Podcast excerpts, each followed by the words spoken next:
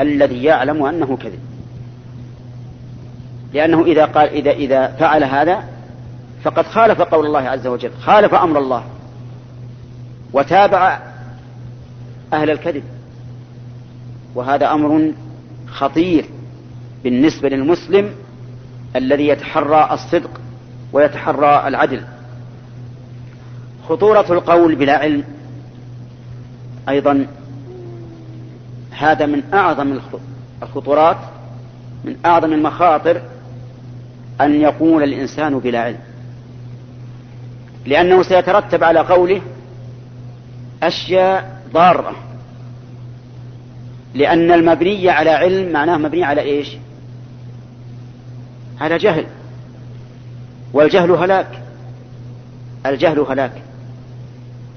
كم من إنسان قال كلمة وما أكثر الكلام في هذا في هذه الفتنة؟ كم من إنسان قال كلمة والعجيب أنه يقول كلمة في الدين في الدين يحكم على الشيء حكما دينيا وهو أجهل من توما. توما. أتعرفون توما؟ نعم. نعم. توما هذا رجل يدعي أنه عالم لكنه جاهل. والذي يدعي أنه عالم وهو جاهل يسمى عند الناس عند العلماء جاهل. لا ما يسمى توما توما اسم رجل يسمى جاهلا مركبا. يسمى جاهلا مركبا. لأن الذي يتكلم وهو لا يعلم يكون جاهلا بحاله يعني حسب عالم. وجاهلا بما تكلم به. فلهذا سماه العلماء جاهلا مركبا. وأنشدوا على حمار لهذا الرجل الذي يسمى توما. أنشدوا على لسانه. وأنا أقرأه وإن كنت لا أقر بما بكل ما فيه. يقول على لسان الحمار الذي كان توما يركبه. قال حمار الحكيم توما لو أنصف الدهر كنت أركب لأنني جاهل بسيط وصاحبي جاهل مركب. نحن لا نوافق على لو أنصف الدهر لأن الأشياء لا تضاف للدهر. لكنه يقول لأن لأنني يقول الحمار يقول عن نفسه لأنني جاهل بسيط وصاحبي جاهل مركب. أقول إن بعض الناس يتكلمون بلا علم. حتى في الأمور الشرعية. والجهل هنا بلا الذي أقول إنه بلا علم تارة يجهلون حقيقة الواقع. انتبه يا أخ وأخص طلبة العلم. تارة يجهل حقيقة الواقع. وتارة يجهل الحكم الشرعي. إذا لابد من العلم بالواقع ولا بد من العلم بالحكم الشرعي.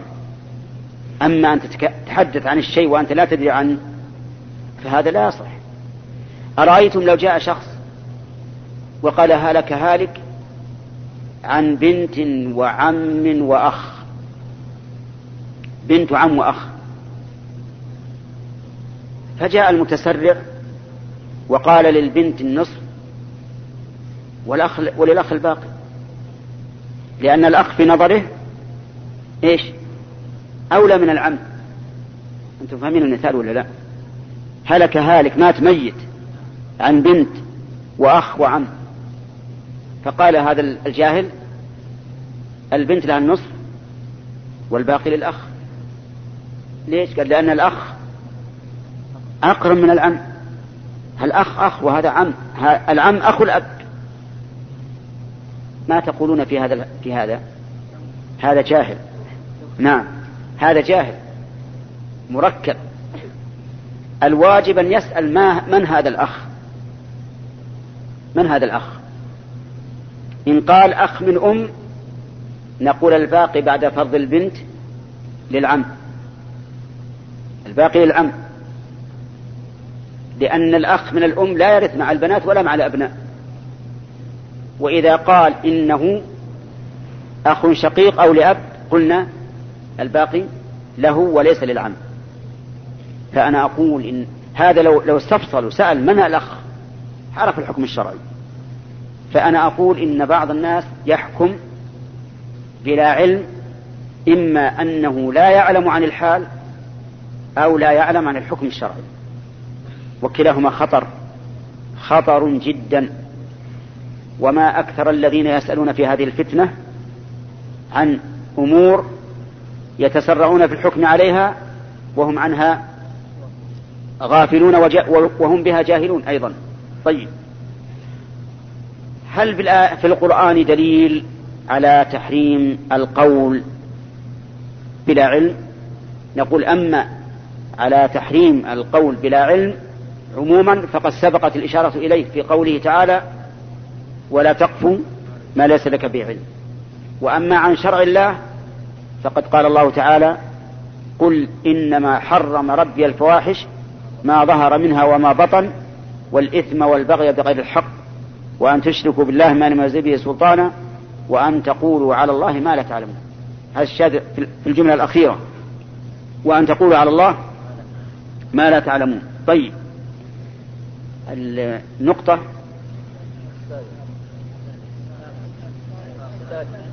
نعم. لعلنا نخليها الخامسة صلح. نعم. النقطة السابعة وهي الأخيرة. نعم. أنا عندي.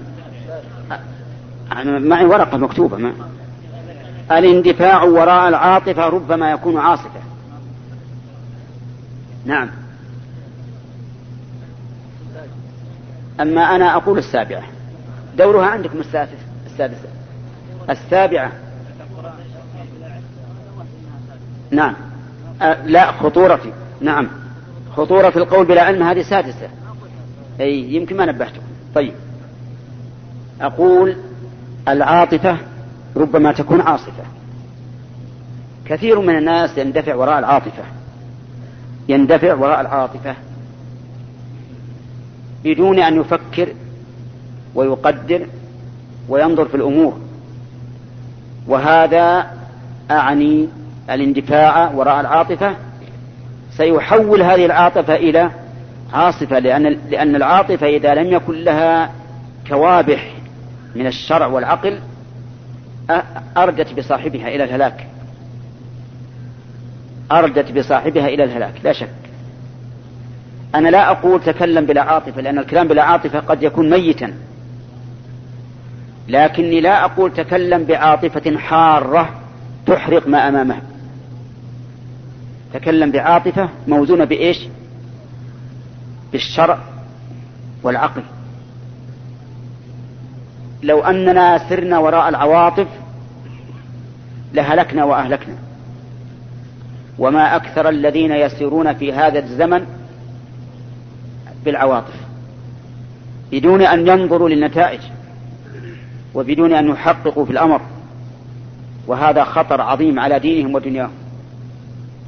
أضرب لكم مثلا بسيطا في الفرق بين العاطفة وبين التعقل.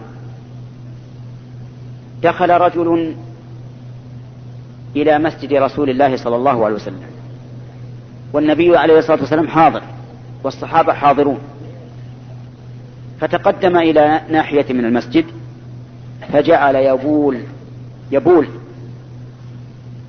في المسجد لأنه جاهل أعرابي. البول في المسجد حرام.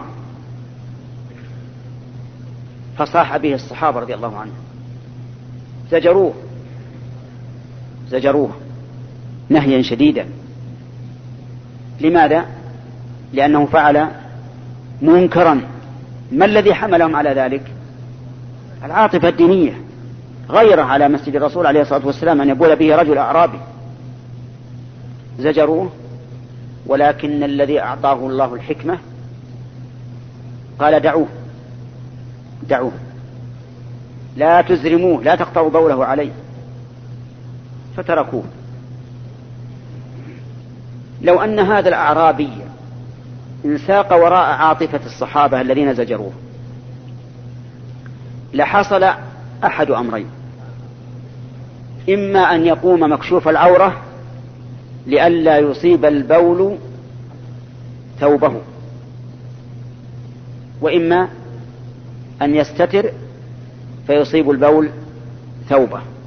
هذه من جهة. من جهة أخرى لو قام مكشوف العورة لكان البول لا ينقطع مرة واحدة ينقط على جهة أخرى من المسجد. فينجس من المسجد أكثر من مما سبق. ولهذا كان حكمة الرسول عليه الصلاة والسلام فوق عاطفتهم قال اتركوه. فتركوه. فلما قضى بوله أمر النبي صلى الله عليه وسلم أن يصب عليه ماء على البول. إذا صب الماء على البول زالت المفسدة ولا لا؟ ها؟ زالت بماذا؟ بالتطهير طهر المحل ثم دعا الأعرابي وقال له إن هذه المساجد لا يصلح فيها شيء من الأذى والقدر إنما هي للصلاة والتكبير وقراءة القرآن أو كما قال النبي صلى الله عليه وسلم في مسند الإمام أحمد أن الأعرابي قال اللهم ارحمني ومحمدا ولا ترحم معنا أحدا. اللهم ارحمني ومحمدا ولا ترحم معنا أحدا. لماذا؟ لأن محمدا صلى الله عليه وسلم عامله بحكمة ولطف.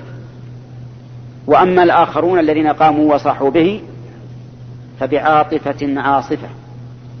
فأنا أقول وأوجه هذا القول لكم ولمن يبلغه قولي يجب أن لا تحملنا العاطفة على تصرف تكون نتيجته سيئة وتكون هذه العاطفة عاصفة.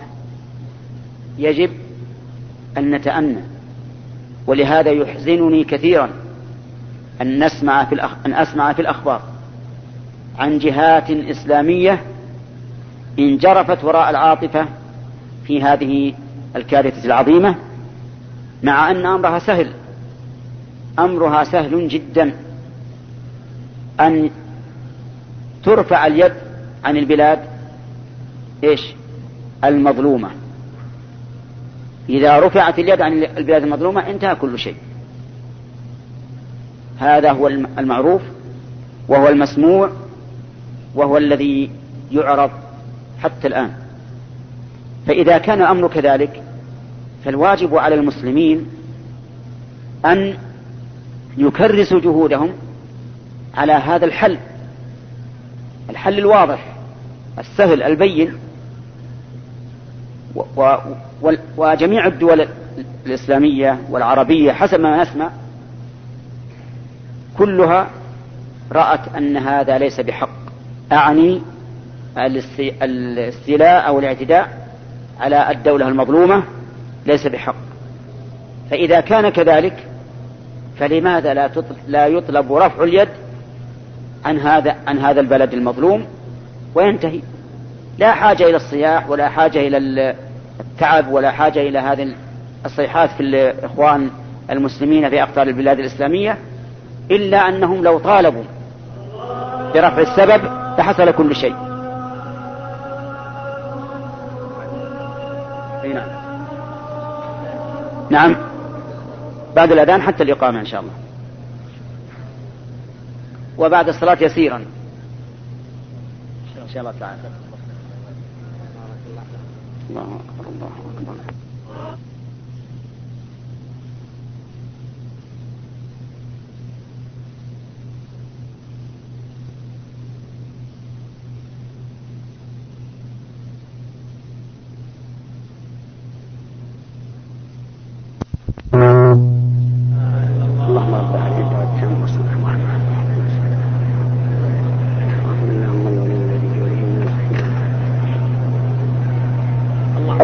إنا نسألك في هذا الوقت المبارك ونحن في انتظار فريضة من فرائضك وبين الأذان والإقامة أن تدمر كل عدو للمسلمين. اللهم دمر كل عدو للمسلمين. اللهم دمر كل عدو للمسلمين. اللهم من أراد بالمسلمين سوءا فاجعل كيده في نحره. اللهم من أراد بالمسلمين سوءا فاجعل كيده في نحره. اللهم من أراد بالمسلمين سوءا فاجعل كيده في نحره. اللهم شتت شمله. اللهم فرق جمعه. اللهم شتت شمله. اللهم فرق جمعه. اللهم أذقه الذل بعد العز والضعف بعد القوة. والحرج والضيق بعد السعة والهوان بعد الكبرياء. اللهم عليك به. اللهم عليك به. اللهم عليك به. اللهم اشدد وطأتك عليه اللهم اشدد وطأتك عليه اللهم اشدد وطأتك عليه اللهم إننا في مسجد نبيك وفي انتظار فريضة من فرائضك نسألك اللهم بأسمائك الحسنى وصفاتك العليا أن تدمر كل عدو للمسلمين. اللهم دمر كل عدو للمسلمين. اللهم دمر كل عدو للمسلمين. اللهم إنا لم نسألك عدوانا على غيرنا. وإنما نسألك أن تدمر أعداء المسلمين. اللهم دمر أعداء المسلمين. اللهم اهزمهم. اللهم اهزمهم. اللهم اهزمهم يا رب العالمين. اللهم أنزل بهم بأسك الذي لا يرد عن القوم المجرمين. اللهم أنزل بهم بأسك الذي لا يرد عن القوم المجرمين. اللهم يا ذا الجلال والإكرام. يا منان يا بديع السماوات والأرض يا من بيده ملكوت كل شيء يا من يقول للشيء كن فيكون يا من لا يعجزه شيء في السماوات ولا في الأرض. نسألك اللهم أن تعجل للمسلمين بالراحة من أعدائهم. اللهم عجل لهم بالراحة من أعدائهم يا رب العالمين. اللهم عجل لهم بالراحة من أعدائهم. حتى تأمن أوطانهم وتحقن دماؤهم وتسلم أموالهم وتستقيم أحوالهم يا رب العالمين. اللهم عليك بأعداء المسلمين. اللهم عليك بهم. أم اللهم أنزل في قلوبهم الرعب. اللهم أبدلهم بعد الأمن خوفا. وأبدلهم بعد القوة ضعفا. وأبدلهم بعد العز ذلا. وأبدلهم بعد الطمأنينة قلقا واضطرابا. يا ذا الجلال والإكرام. اللهم لا ترد دعاءنا بسوء أفعالنا. اللهم تقبل منا. اللهم تقبل منا. اللهم تقبل منا يا ذا الجلال والإكرام. اللهم صل وسلم على عبدك ورسولك محمد وعلى آله وصحبه أجمعين. أيها الإخوة المؤمنون إن دعاء الله عز وجل في كل ساعة وفي كل لحظة مطلوب منا ولا سيما في آخر الليل ولا سيما في السجود ولا سيما بين الأذان والإقامة. فإن النبي صلى الله عليه وسلم قال أما السجود فأكثروا فيه من الدعاء فقمن أن يستجاب لكم. وقال صلى الله عليه وسلم أقرب ما يكون العبد من ربه وهو ساجد. وقال النبي صلى الله عليه وسلم إن الله ينزل إلى السماء الدنيا حين يبقى ثلث الليل الآخر فيقول من يدعوني فأستجيب له من يسألني فأعطيه من يستغيث من من يستغفرني فأغفر له.